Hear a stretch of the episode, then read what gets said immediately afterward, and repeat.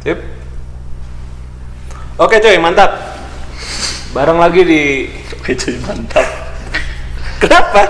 Ada yang salah? Kayak itu ya. Kayak apa? YouTube yang review makanan anjing. Nah, oke coy, mantap. Gak apa-apa dong. Eh, itu tuh bini lu datang. Hah? Bini lu datang. Hah? Ah, bukannya bini lu tuh bini lu yang namanya Wiwit kan? Eh, dulu waktu sebelum pandemi, Ya. gua ke live music, Ya. lu kan bareng bini- lu. Ya. Meja sebelah tuh gini-giniin bini lu, Wiwit, Wiwit. Anjing, anjing gua juga gak mau denger. Sakit. Sakit. Sat. Anjing ya. Eh, Oke, jadi eh, di bahasan kali ini eh, gua mungkin sedikit serius. Jadi kalian yang mendengarkan tolong berpegangan ya sama eh, pegangan kursi kalau enggak pegangan eh, tempat tidur supaya nggak jatuh. Langsung aja bersama kita di sini ada pebisnis. Pebisnis mana teh? Itu si pedagang kemudian ya. Pedagang. Pedagang dari jalur sutra. Anjing. Ya udah sini jangan deket ini. Jangan deket-deket. Jadi kan Rick, gue merhatiin nih postingan lu nih belakangan ini. Lu kan lagi getol-getolnya nih. Aduh, bikin workshop anjing, bikin workshop terus bikin ya gitu yang kira-kira jadi gacoan lu nih. Eh, lu udah pernah berkecimpung di bidang itu, terus sekarang lu sharing. Motivasi teh mana teh naon? Motivasi. Kayak motivasinya berarti bikin oh iya. Gua namanya tentang kain, tentang kain. tentang kain. Jadi Jadi tidak mungkin tentang yang lain dong, tentang kain udah aja dari judulnya aja udah jelas, cukup cukup jelas. Jadi idenya sih gua dapet dari pas PSBB. PSBB, Kalau yang mendengar apa sih yang podcast kita yang sebelumnya mungkin agak kebayangnya bahasan kita kayak gimana. ah, ah. Nah, pada waktu itu gue sadar tuh ketika PSBB karena ekonomi berhenti, yang pastinya budget orang belanja kan ditahan. ya, Jadi gue gua melihat bahwa semenjak PSBB sebetulnya duit orang-orang nggak hilang, hanya diam. hmm. Nah, artinya Kalau bisa yakin uang, uang orang hanya diam, bisa aja Eh, dia misalkan, oh diam, tapi invest misalkan saham, beli saham, beli mungkin obligasi, mungkin, aja, mungkin. Kalau kita bicara, tapi kalau kita berbicaranya di perdagangan retail, Mm-mm. yang memang mau sepi, Mm-mm. restoran yang tutup segala macam kan. Iya. Sebetulnya duit mereka ngendap kan. Dan rata-rata ketika orang duitnya ngendap, uh, automatic responsnya adalah makin pelit. pelit, Betul nggak ya kira-kira logikanya begitu. Mm-mm. Makin pelit artinya pasar semakin sempit gitu ya. ya, Sedangkan di satu sisi semua orang yang yang yang keadaannya sama kayak gua nggak punya penghasilan dan harus mencari penghasilan, mereka bertambah kerja keras keluar dari comfort zone-nya berlari menuju sesuatu yang mungkin menghasilkan. Mm-mm. Nah jadi waktu itu gue berpikir gue nggak bisa sekedar dagang selayaknya toko lain atau Mm-mm. ya se- sebagaimana bisnis pada umumnya. oke, Nah waktu itu pikir-pikir-pikir apa, akhirnya ketemu tuh kata kuncinya. Ini kan gue sekarang lebih ke arah prinsip ya, prinsip membuat gua cara gue membuat bisnis ini. Kan logiknya ya perdagangan ya. Eh, lu kasih untung ke gua atau lu kasih barang ke gua, gua bayar gitu kira ya. ya, jadi Semuanya ada untungnya ada hukum ada jual beli lah. ah, permintaan dan penawaran. Ya, hukum jual beli yang ditak yang yang ditakar dengan rupiah kasarnya begitu. Oke. Nah, di situ gue jadi mikir gimana kalau kita membuat suatu bisnis yang dasarnya adalah bukan mengambil keuntungan, Bukan Aneh kan, mengambil tapi- keuntungan tapi bisnis. tapi bisnis. Tapi Dan lain bisnis atunya lamun Iya, iya, aya iya, bisnis itu. teu Ya, keuntungan namanya juga orang stres kan ini waktu itu ya. Jadi, Heeh. ya Oh, mana teh stres. Pikirannya kan udah udah ke mana-mana kan. Heeh. Waktu itu tiba-tiba ya halo lah kasarnya. Coba kalau gue bisa bikin suatu bisnis Hmm. yang uh, visi utamanya bukan mencari profit tapi memberikan sesuatu Mm-mm. profit lah dampak tapi enggak juga nggak apa-apa gitu. Oke, jadi kayak lu sekarang lebih ke idealisme lu ya. idealisme gua ah. jadi seakan-akan kayak non profit organization lah gitu Oke. nah makanya waktu itu gue bikin toko kain oke gue jualan gue punya stok segala macam tapi gue nggak niat jualan kain itu Oke. Gua- awalnya pada awalnya. pada awalnya ah. gue mikir gini gue jualan kain kalau memang orangnya nanya lu punya nggak gue butuh nih oke baru gue jual. Tapi kalau nggak ditanya ya gue nggak ngomong gue jualan gue gue jualan kain Oke. Jadi poinnya mungkin lu di sini adalah hanya sekedar memberitahukan pengetahuan, betul. Knowledge apa yang lu udah dapet ya. sama ya udah tadi yang lu bilang bisnis non profitable. ya Tapi gua nggak yakin Rick bisa bertahan di situasi seperti ini karena kan gini, misalnya lu bikin kelas, oke lu bikin kelas, lu kan perlu ruangan, Ya. lu perlu ya setidaknya orang itu dikasih minum lah, Betul. ya, lu perlu listrik Ya. segala macem, masa sih nggak ada profitnya? Oke, betul betul banget yang lu ngomong. Gue juga Hmm. ngerasain. Makanya ketika gue share ke teman-teman, eh gue punya ide kayak gini ya, mayoritas orang ngomong, "Hmm, itu mah kayaknya buat idealisme, hobi lu doang deh, lu harus cari bisnis yang lain. gitu. Hmm. Nah, tapi waktu itu tetap gue coba, karena gue gak punya pilihan lain juga kan, jadi gue coba, misalkan waktu itu ops- eh, opsi pertama, oke, gue nggak mau ngasih apa nih ke, ke, ke sosial ke market. Hmm. Oke, gue lihat sekarang di dunia tekstil gap yang besar adalah pengetahuan antara si maker dengan si konsumen. Oke, Nah, gue mencoba menje- menjembatani mereka dengan knowledge. bentar, gua jelasin dulu sedikit. Maker itu berarti bisa Ya, pabrik tekstil lah kasarnya. Pabrik tekstil. Pabrik tekstil. Oke, oke. Dengan pemakai baju Mm-mm. atau brand Mm-mm. atau brand. Oke, gue coba jembatani dengan knowledge. Ya. Tujuannya adalah agar orang-orang tingkat kepahamannya tentang baju makin tinggi sehingga mereka tidak salah milih kain, tidak salah milih baju. Berarti pada yang ngeproduksi dong. Produksi entah yang produksi gua atau orang lain. Oke. Ataupun dalam kondisi gua bukan bukan gua sama sekali. Oke. Tapi yang penting dulu gue mikirnya, gue melihat ada orang-orang yang tadinya dirugikan dengan karena salah memilih baju, sekarang tidak dirugikan. Mm-mm. Itu perasaan puas itu yang membuat gue namanya profit. Awalnya gitu gue mikirnya. Idealisme. Idealisme. Oke.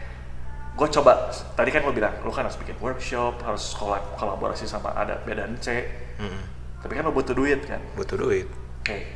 Masa Gua- iya lu nombok? Ya, contoh aja misalkan selama tiga bulan gue eh, dapat satu di- disewakan satu tempat workshop di suatu restoran hmm, gratis. Ah, restoran mana meren? Ya restoran ada ada hubungan sih teman-teman juga kan. Ah, ah. Tapi tadinya mereka kan kita punya regulasi siapa pun ya harus bayar. Iya. Tapi kan- Teman-teman, Nah, bisnis-bisnis. ya. Tapi ketika gua share apa yang tadi gua ya mungkin kita semua anggap itu hal yang aneh, Ah, ah. eh responnya beda. Wah ternyata ya ya gua oke gua mau kontribusi di sana. Gua Hmm. pakai tempat gua. Hmm. Oke itu hanya tempat workshop. Yang sebenarnya buat gua sangat mengagetkan adalah gua mau jualan kain gua butuh gudang. Di Iya suatu dong. gudang Ah. yang gua sebut mungkin tempatnya elit lah di Bandung ya. Ah, ah. Gua share ini ke yang punya gudang. Oke, gua suka cara lu berpikir. Gudang gua lu pakai 2 tahun gratis. No. Kalau bisnis lu jalan, next tahun ketiganya lu bayar. Kalau nggak jalan, ya udah nggak usah. Dimulai dari gudang, dimulai dari workshop. Terus gua share juga sama teman-teman yang pemilik brand atau yang sebidang. Hmm. Gua share, gua share. Memang sih kebanyakan merasa ini bukan sesuatu yang mustahil dilakukan. Mm-mm. tapi ada aja yang nyangkut kan jadi ya ya. Gini respon yang sering gua pikir ya yang Hmm. sering gua dapetin. Hmm. ya ya. Mungkin karena jah begitu jahatnya dunia bisnis selama bertahun-tahun ini sampai orang melupakan sisi kemanusiaan dari sebuah bisnis. Oke. ngerti nggak? Kebayang ya Ya, gini Rick, gua yang mungkin lo harus jelasin lagi ke gua. Hmm. Ini ini menarik konsepnya. Di awal ceritanya jadi lu awal membangun ini semua tuh tidak berdasarkan soal profit. ya Artinya lu nombok juga ya udah sacrifice kan. ya Yang gue bingung Rick, ini yang nyewain lu gedung, yang nyewain lu gudang, yang nyewain lu restoran, temen-temen lu seprofesi. Hmm. Mereka kalau misalnya gue yakin ya gue yakin kira-kira kalau tidak ada relationship yang kuat ya. satu dua bulan pergi orangnya. Ya bener oke, nggak? kebayang. Karena tadi lu lu jelasinnya di awal gambaran utamanya kita nggak ngomongin profit dulu ya. sip ya Sip. gitu. Oke itu berarti mirip-mirip dengan cara gue jualan kain sekarang ya Mm. Nah ketika kenapa orang mau ngasih tempatnya gratis ke gue, kenapa orang mau ngajak gue collab gratis bahkan. Mm-mm. Kalau gue pikir-pikir, tidak di collab ini tentunya nah ini kan kolaborasi, ini cuma ban- bantu-bantuan doang. kenapa? Karena sebelumnya, ya ini bidang gue ya, gue bidang tekstil ya. Gue datang ke mereka, kita ngafe bareng. Gue tanya mereka punya masalah apa, ketika gue bisa beresin masalahnya, gue beresin masalah mereka dengan free. Mm-mm. orang tuh orang ngomong Rick gua ngobrol sama lu nih tentang masalah tekstil gua bayarannya berapa? Kata gua gratis. Sampai ada yang ngomong kayak gini harusnya gini-gini bayar. Bodoh lu Hmm. itu dia itu dia. Sorry gue potong lagi. Lanjut lanjut lanjut. Dan workshopnya selama tiga bulan ini kira-kira kemarin list kita ada 130 140 orangan yang udah ikut waiting list lagi nggak bayar ah. Nah, ditanya sama sering kali ya se workshopnya kan per tujuh orang ya. Mm-mm. Ada yang mau nanya nggak? Banyak se- sering kali nanya gini. Mm-mm. Kok kenapa nggak berbayar? Gue jelasin konsepnya tadi. Mm. Jadi buat gua berhubungan dengan manusia itu prinsipnya ternyata memberi dulu. Terserah nih orang itu mau ngasih balik ya syukur. Kadang-kadang kasih lebih besar ya puji Tuhan. Tapi kalau nggak pun nggak usah di expect. itu dia Karena poinnya kan kalau kalau gayanya ya gaya anak Hmm. muda zaman sekarang bikin suatu perubahan di society kayak kayak gitu gitulah pokoknya. Thank you pisan Rick gila. Iya, ini ngebuka mata kita semua artinya di dunia ini ada hal yang lebih penting dibandingkan uang. Tuh. Ya. Tuh. Teman-teman juga kalau misalnya ngelihat, aduh gua mah nongkrongnya sama yang ini ah, biar bisa dibayarin. Aduh, anjing bukan zamannya lagi, Ya, cuy. ya, ya. Lu kalau berpatokan sama uang, akhirnya lu akan capek sendiri Betul. karena uang nggak ada batasnya, Ya. nggak ada limitnya. Sedangkan lu kalau misalnya ngebangun relationship tadi yang seperti Erik bilang, lu pada saat situasi seperti ini tuh jenisnya tuh saling ngebantuin, Hmm. saling bantuin, Saling bantu, betul. Nah, saling bantu, saling support gitu. Lu kurangnya apa? Eh, da- dulu tapi gua pernah dibantuin gitu ya. Hmm. Masa iya? Ya ini mah kita ngomongin orang normal ya. Kalau orang yang nggak normal mungkin ada tendensi ke sana Ya, gitu. ya. Misalnya udah dibantuin, ah kan kemarin mah gua susah, sekarang mah gua udah nggak susah tuh. Ya, ya, Ngapain ada. gua bantuin lu? Pasti Ada, itu yang nggak normal.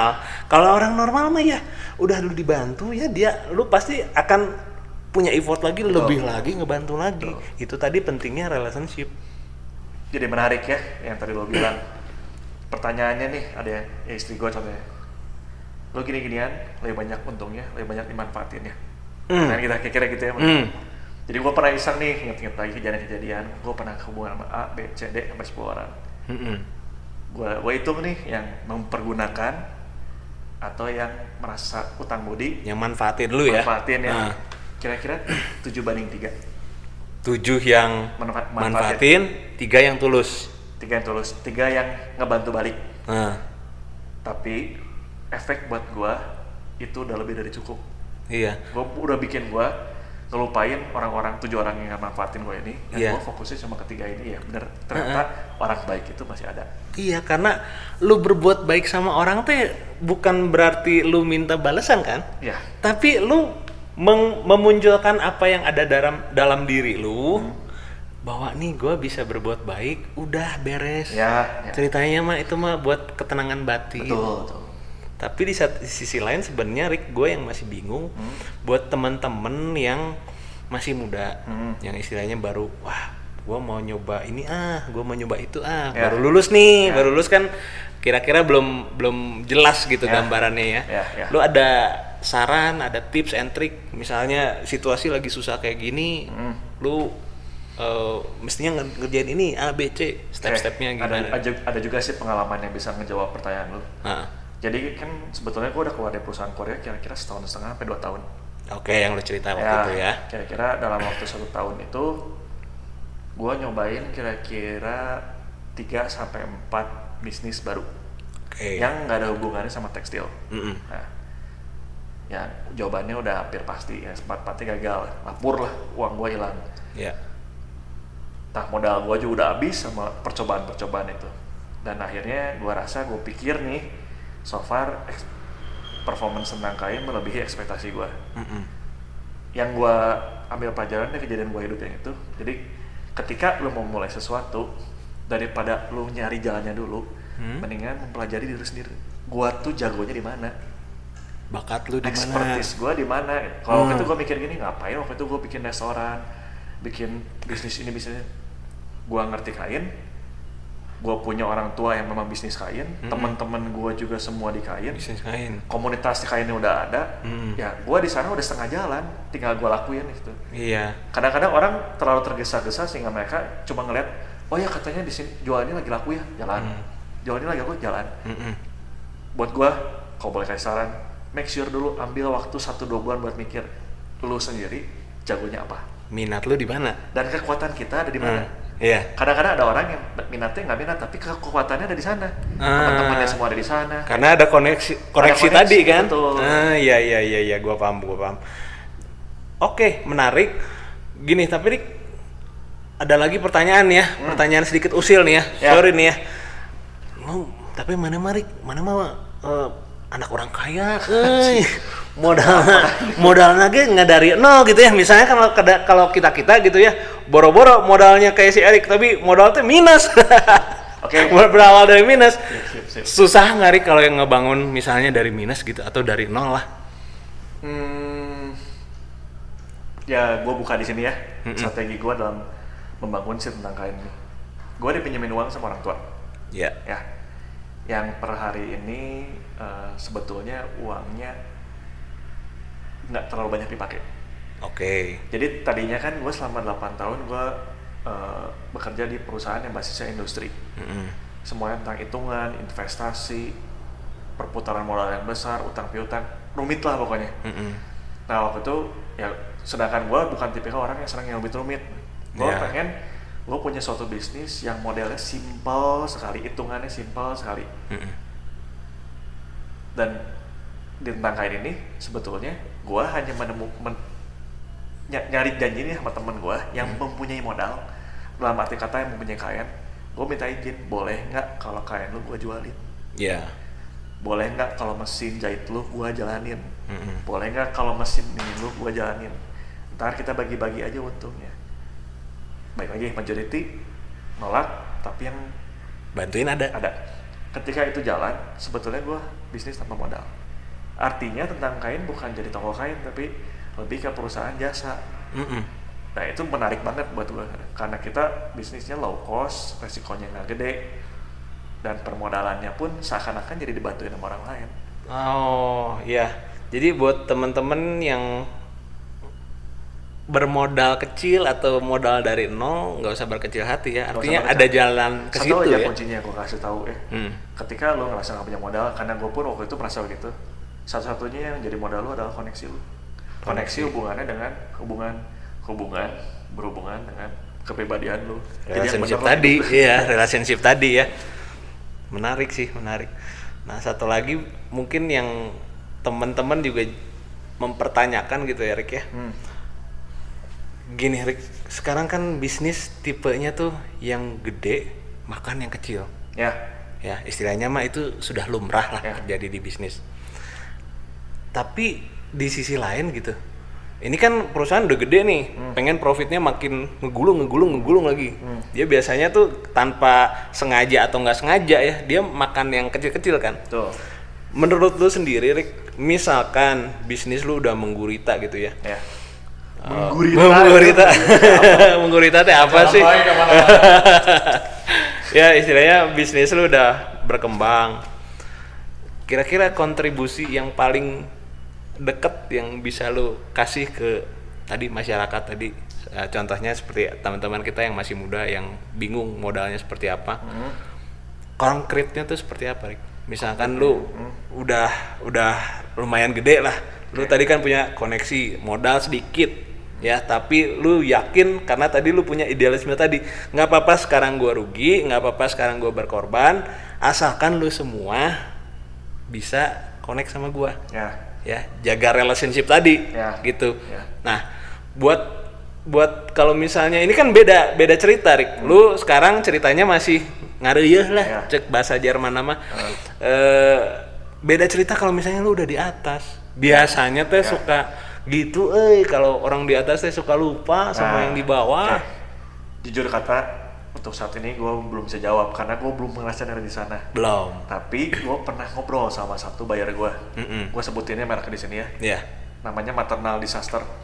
oke Kalau dari sudut pandang gue, mungkin dari sisi brand power di Indonesia sulit ngalahin dia. Dia yang terkuat. Mm-mm. Dia udah mulai dagang clothingan dari 2003. Gue pikir untuk kelas clothingan mereka udah rajanya. Terus gue pernah share sekali, gue pernah nawarin barang, akhirnya kan dipanggil segala macam, terus dia bilang ya supaya kita nggak bisa, gue jelasin semua keunggulan gue, harga gue segala macam. Respon satu yang bikin gue belajar ya, yang ownernya ngomong gini nih, Hmm. gue tahu nih lu datang ke sini dengan semua kain yang bagus, kualitas yang baik, dan mengalahkan semua vendor-vendor kita. Hmm. Tapi kita nggak bisa ngasih semuanya ke lu, Ya. karena kita nggak bisa ngelupain vendor-vendor yang waktu itu bikin kita besar. Itu yang bikin gue belajar. pisan eh. Itu benar-benar message gue. Kalau suatu saat gue di sana, gue harus ingat kata-kata itu. Iya. Gila, iya iya iya. Thank you pisan Rik. Sama-sama, Lu- Pak. Aduh, gue pikir nih podcast udah dua kali sama lu berisi semua eh. Isi apa kan? Teuing lah isi, isi, isi tahu isi, mana isi tahu gejrot. Tapi thank you Rick. gue simpulin aja sebenarnya tadi eh, kita ngomongin soal relationship itu itu lebih lebih apa dibilang walaupun orang mungkin ngelihat sudut pandangnya idealisme tadi tapi itu terpenting gitu karena kita manusia teh makhluk sosial Betul. bukan yang sendiri-sendiri gitu. Nah, yang kedua, lu nggak usah takut kalau modal lu nggak ada, men. Dengan tadi lu punya relationship, sedikit banyak itu teh ngebantu lu. Artinya lu harus ngejaga relationship walaupun misalnya orangnya di bawah marginal, di bawah lu gitu. Atau misalkan ya sama orang-orang kadang-kadang kita suka nganggap orang teh lebih cerek gitu daripada Ya, kita. padahal kita sendiri bukan siapa-siapa. Ya, betul. gitu. Jadi menurut gua ya tadi Erik udah share semua relationship itu emang penting penting banget penting banget Dan kalau udah akhirnya dibantu juga sama orang yang menurut lu, lu punya relasi sama dia, jangan pernah lupa lah sama orang itu. itu dia pesan sahabatku satu lagi oke cuy sampai di sini eh, share ki- sharing kita Eh, teman-teman semoga bisa ngebantu oke Dah. thank you bye bye Mantap coy. Yes. Eh, mantap cuy kan begitu kalau youtuber tuh harus oh masa mana bikin bikin kaget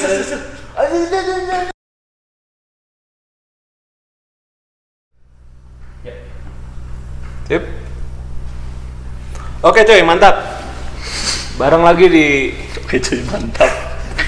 Kenapa? Ada yang salah? Kayak itu ya. Kayak apa? YouTube yang review makanan ini. Nah, oke cuy, mantap. Gak apa-apa dong. Eh, itu tuh bini lu datang. Hah? Bini lu datang. Hah? Ah, bukannya bini lu tuh bini lu yang namanya Wiwit kan? Eh, dulu waktu sebelum pandemi, Ya. gua ke live music, Ya. lu kan bareng bini- lu. Ya. Meja sebelah tuh gini-giniin bini lu, wiwit wiwit. Anjing, anjing gua juga gak mau denger. Aduh, sakit. Sakit. Sat. Anjing ya. Oke, Jay, jadi eh, di bahasan kali ini eh, gua mungkin sedikit serius. Jadi kalian yang mendengarkan tolong berpegangan ya sama eh, pegangan kursi kalau enggak pegangan eh, tempat tidur supaya nggak jatuh. Langsung aja bersama kita di sini ada pebisnis. Pebisnis mana teh? Itu si pedagang benernya. Pedagang. Pedagang dari jalur sutra. Anjing. Ya udah jangan deket jangan deket jadi kan Rick gue merhatiin nih postingan lu nih belakangan ini. Lu kan lagi getol-getolnya nih. Aduh bikin workshop anjing. Bikin workshop terus bikin ya gitu yang kira-kira jadi gacoan lu nih. Eh, lu udah pernah berkecimpung di bidang itu terus sekarang lu sharing. Motivasi teh mana teh naon? Motivasi. Kayak motivasinya berarti bikin oh iya gua namanya tentang kain. Tentang kain. Tentang kain. Jadi Jadi tidak mungkin tentang yang lain dong, tentang kain udah aja. Dari judulnya aja udah jelas, cukup cukup jelas. jadi idenya sih gua dapet dari pas PSBB PSBB, kalau yang mendengar apa sih yang podcast kita yang sebelumnya mungkin agak kebayangnya bahasan kita kayak gimana ah, ah. Nah, pada waktu itu gue sadar tuh ketika PSBB karena ekonomi berhenti, yang pastinya budget orang belanja kan ditahan. ya, Jadi gue gua melihat bahwa semenjak PSBB sebetulnya duit orang-orang nggak hilang, hanya diam. hmm. Nah, artinya Kalau bisa yakin uang, uang orang hanya diam, bisa aja Eh, dia misalkan, oh diam, tapi invest misalkan saham, beli saham, beli mungkin obligasi, mungkin, aja, mungkin. Kalau kita bicara, tapi kalau kita berbicaranya di perdagangan retail, Mm-mm. yang memang mau sepi, Mm-mm. restoran yang tutup segala macam kan. Iya. Sebetulnya duit mereka ngendap kan. Dan rata-rata ketika orang duitnya ngendap, uh, automatic responsnya adalah makin pelit. Pelit, Betul nggak ya kira-kira logikanya begitu. Mm-mm.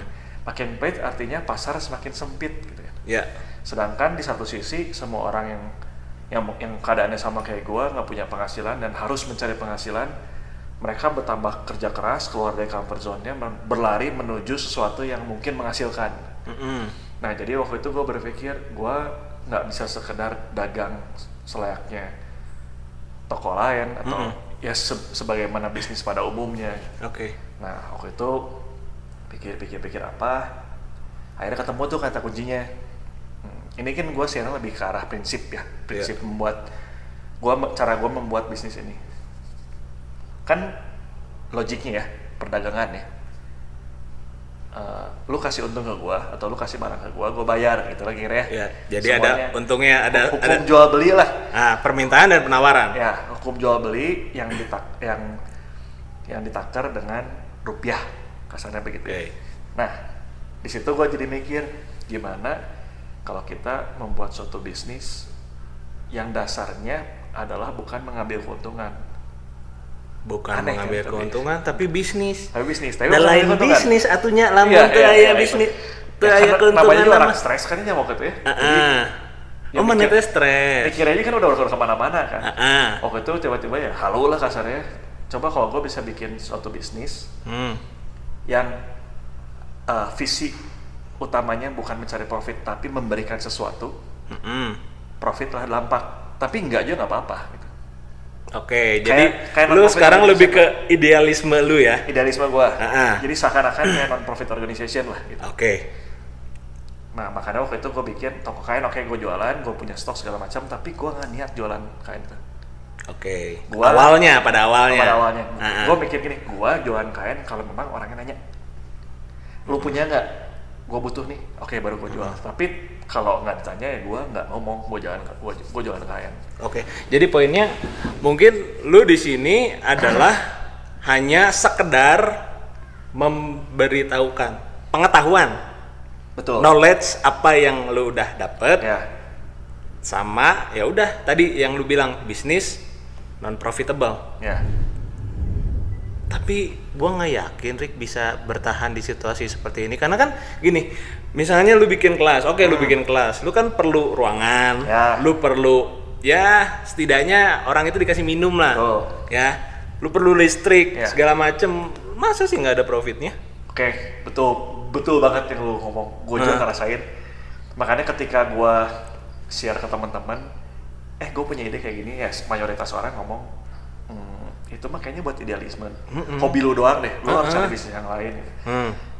Nah, tapi waktu itu tetap gue coba. Karena gue gak punya pilihan lain juga kan. Jadi gue coba, misalkan waktu itu opsi, eh, opsi pertama, oke, gue nggak mau ngasih apa nih ke, ke, ke sosial ke market. Hmm. Oke, gue lihat sekarang di dunia tekstil gap yang besar adalah pengetahuan antara si maker dengan si konsumen. Oke. Nah, gue mencoba menje- menjembatani mereka dengan knowledge. Bentar, gua jelasin dulu sedikit. Maker itu berarti bisa ya, pabrik tekstil lah kasarnya. Pabrik tekstil. Pabrik tekstil. Oke, oke. Dengan pemakai baju Mm-mm. atau brand Mm-mm. atau brand. Oke, gue coba jembatani dengan knowledge. Ya. Tujuannya adalah agar orang-orang tingkat kepahamannya tentang baju makin tinggi sehingga mereka tidak salah milih kain, tidak salah milih baju. Berarti pada yang ngeproduksi dong. Produksi entah yang produksi gua atau orang lain. Oke. Ataupun dalam kondisi gua bukan bukan gua sama sekali. Oke. Tapi yang penting dulu gue mikirnya, gue melihat ada orang-orang yang tadinya dirugikan dengan karena salah memilih baju, sekarang tidak dirugikan. Mm-mm. Itu perasaan puas itu yang buat gue namanya profit. Awalnya gitu gue mikirnya. Idealisme. Idealisme. Oke. Gue coba, tadi kan gue bilang, lu kan harus bikin workshop, harus kolab- kolaborasi sama ada B dan C. Mm-mm. Tapi kan lu butuh duit kan. Butuh duit. Oke. Masa Gua- iya lu nombok? Ya, contoh aja misalkan selama tiga bulan gue eh, dapat satu di- disewakan satu tempat workshop di suatu restoran hmm, gratis. Ah, restoran mana meren? Ya restoran ada ada hubungan sih teman-teman juga kan. Ah. Tapi tadinya mereka kan kita punya regulasi siapa pun yang harus bayar. Iya. Tapi Teman-teman, bisnis-bisnis. ya. Tapi ketika gua share apa yang tadi gua ya mungkin kita semua anggap itu hal yang aneh, Heeh. eh responnya beda. Wah ternyata ya ya gua oke gua mau kontribusi di sana. Gua Hmm. pakai tempat gua. Hmm. Oke itu hanya tempat workshop. Yang sebenarnya buat gua sangat mengagetkan adalah gua mau jualan kain gua butuh gudang. Iya di suatu dong. gudang Ah. yang gua sebut mungkin tempatnya elit lah di Bandung ya Ah, ah. gua share ini ke yang punya gudang oke gua suka cara lu berpikir gudang gua lu pakai dua tahun gratis No. kalau bisnis lu jalan next tahun ketiganya lu bayar kalau nggak jalan ya udah nggak usah dimulai dari gudang dimulai dari workshop terus gua share juga sama teman-teman yang pemilik brand atau yang sebidang Hmm. gua share gua share memang sih kebanyakan merasa ini bukan sesuatu yang mustahil dilakukan. Mm-mm. tapi ada aja yang nyangkut kan jadi ya ya. Gini respon yang sering gua pikir ya yang Hmm. sering gua dapetin. Hmm. ya ya. Mungkin karena jah begitu jahatnya dunia bisnis selama bertahun-tahun ini sampai orang melupakan sisi kemanusiaan dari sebuah bisnis. Oke. ngerti nggak? Kebayang ya Ya, gini Rick, gua yang mungkin lu harus jelasin lagi ke gua. Hmm. Ini ini menarik konsepnya. Di awal ceritanya jadi lu awal membangun ini semua tuh tidak berdasarkan soal profit. ya Artinya lu nombok juga ya udah sacrifice kan. ya Yang gue bingung Rick, ini yang nyewain lu gedung, yang nyewain lu gudang, yang nyewain lu restoran, temen-temen lu seprofesi Hmm. Mereka kalau misalnya gue yakin ya gue yakin kira-kira kalau tidak ada relationship yang kuat ya. satu dua bulan pergi orangnya. Ya bener oke, nggak? kebayang. Karena tadi lu lu jelasinnya di awal gambaran utamanya kita nggak ngomongin profit dulu ya. sip. Ya Sip. gitu. Oke.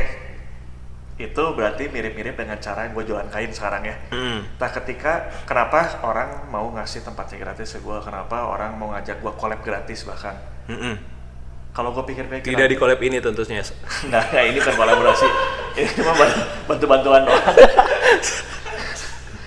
kenapa? Karena sebelumnya, ya ini bidang gue ya, gue bidang tekstil ya. Gue datang ke mereka, kita ngafe bareng. Gue tanya mereka punya masalah apa, ketika gue bisa beresin masalahnya, gue beresin masalah mereka dengan free. Orang tuh orang ngomong Rick gua ngobrol sama lu nih tentang masalah tekstil gua bayarannya berapa? Kata gua gratis. Sampai ada yang ngomong kayak gini harusnya gini-gini bayar. Bodoh ah itu dia itu dia.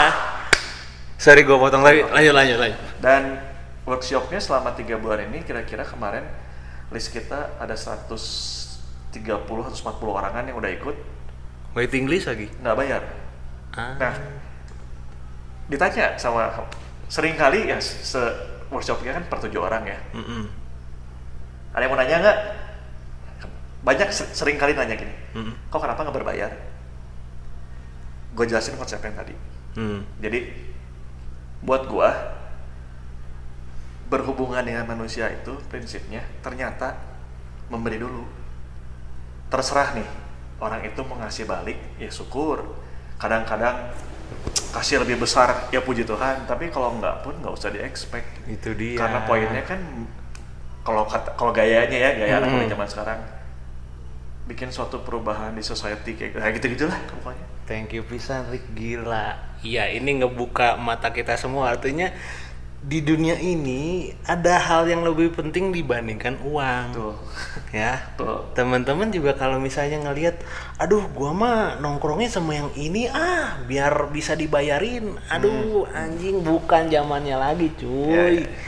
Lu kalau berpatokan sama uang, akhirnya lu akan capek sendiri betul karena uang nggak ada batasnya Ya. nggak ada limitnya sedangkan lu kalau misalnya ngebangun relationship tadi yang seperti Erik bilang lu pada saat situasi seperti ini tuh jenisnya tuh saling ngebantuin. Hmm. saling bantuin. Saling bantu betul. Nah, saling bantu saling support gitu. Lu kurangnya apa? Eh da- dulu tapi gua pernah dibantuin gitu ya. Hmm. masa iya? Ya ini mah kita ngomongin orang normal ya. Kalau orang yang nggak normal mungkin ada tendensi ke sana Ya, gitu. ya. misalnya udah dibantuin ah kan kemarin mah gua susah sekarang mah gua udah nggak susah tuh. Ya, ya, ngapain gua bantuin lu? Pasti. ada itu yang nggak normal. Kalau orang normal mah ya udah lu dibantu ya dia lu pasti akan punya effort lagi lebih lagi ngebantu lagi. Itu tadi pentingnya relationship. Jadi menarik ya yang tadi lo bilang. Pertanyaannya nih ada yang ya istri gue contohnya.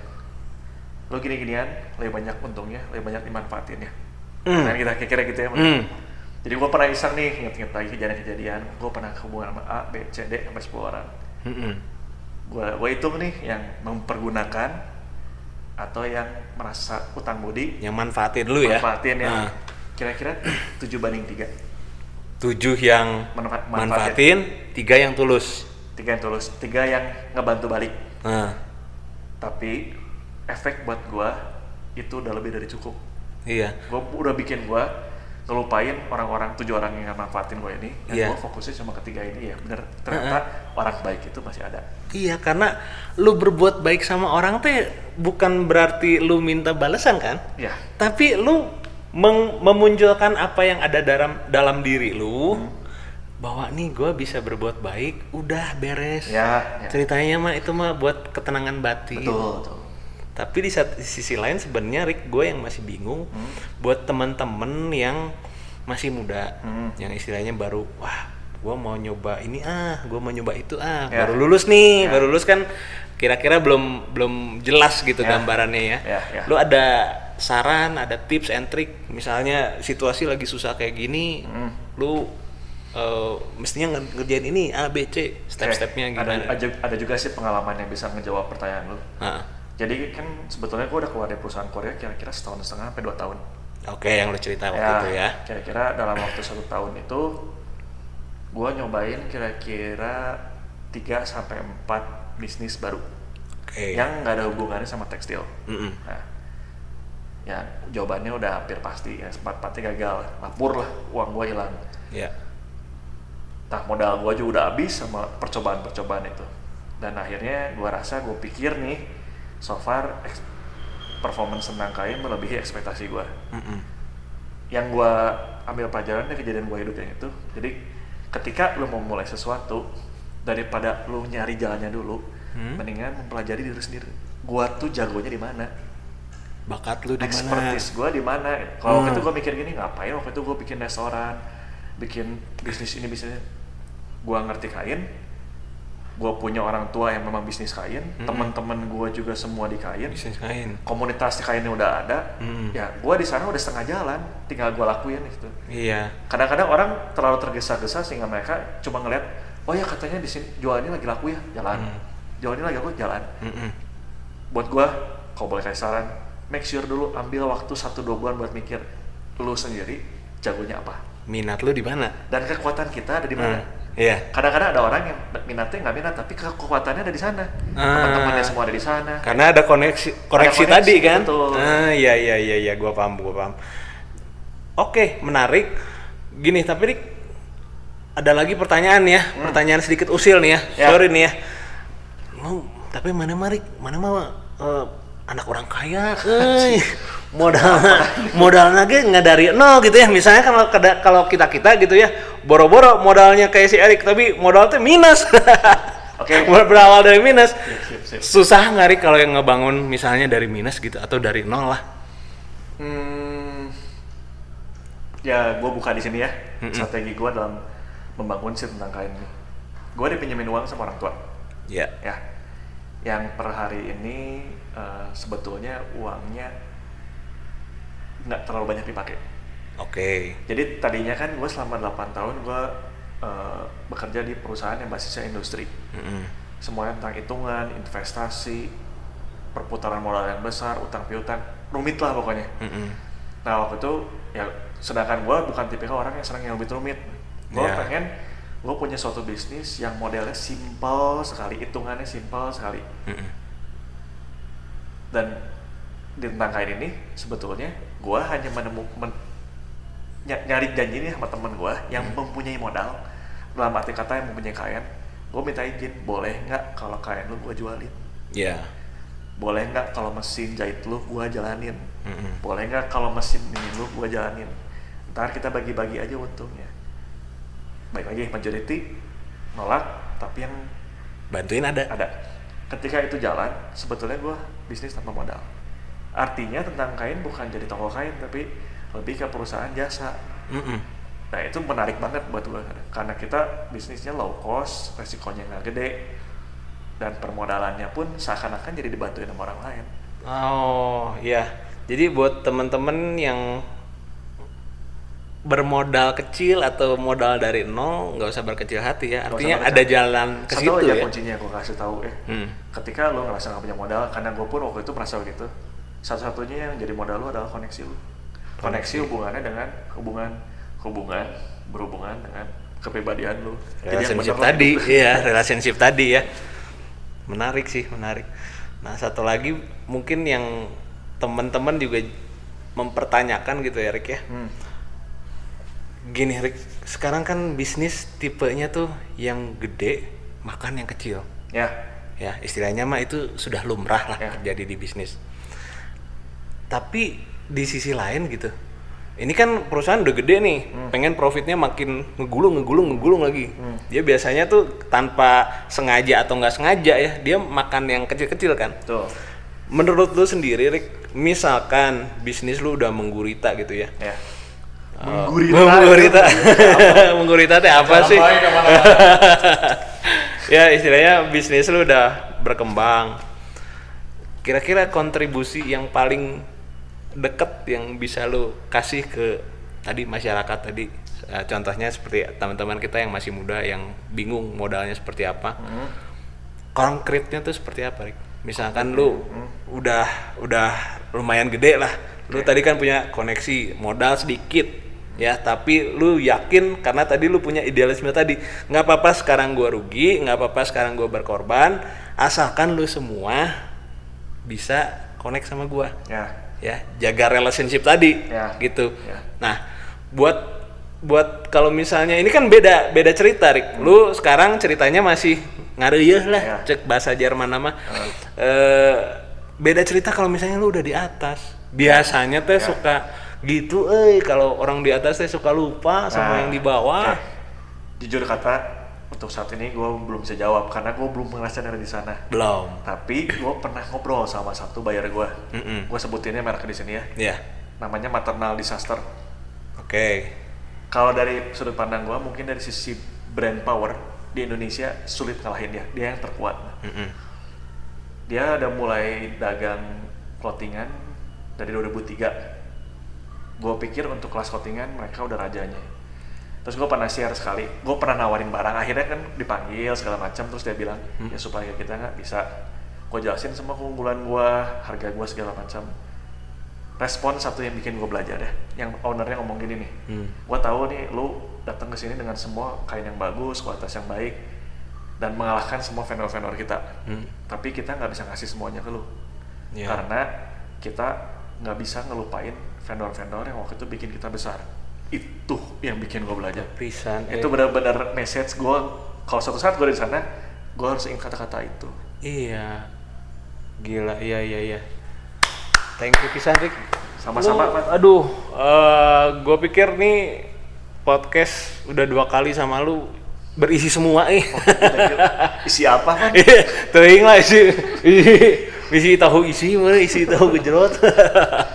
Tapi thank you Rick. gue simpulin aja sebenarnya tadi eh, kita ngomongin soal relationship itu itu lebih lebih apa dibilang walaupun orang mungkin ngelihat sudut pandangnya idealisme tadi tapi itu terpenting gitu karena kita manusia teh makhluk sosial Betul. bukan yang sendiri-sendiri gitu. Nah yang kedua, lu nggak usah takut kalau modal lu nggak ada, men. Dengan tadi lu punya relationship, sedikit banyak itu ngebantu lu. Artinya lu harus ngejaga relationship, walaupun misalnya orangnya di bawah marginal, di bawah lu gitu, atau misalkan ya sama orang-orang kadang-kadang kita suka nganggap orang teh lebih cerek gitu daripada Ya, kita, padahal kita sendiri bukan siapa-siapa. Ya betul. Gitu. Jadi menurut gua ya tadi Erik udah share semua relationship itu emang penting penting banget penting banget dan kalau udah akhirnya dibantu juga sama orang yang menurut lu lu punya relasi sama dia jangan pernah lupa lah sama orang itu. Itu dia pesan sahabatku satu lagi. Oke cuy sampai di sini eh, share ki- sharing kita. Eh, teman-teman semoga bisa ngebantu. Oke? Dah. thank you. Bye bye Mantap coy. yes. Eh, mantap cuy kan begitu kalau youtuber tuh harus oh masa mana bikin bikin kaget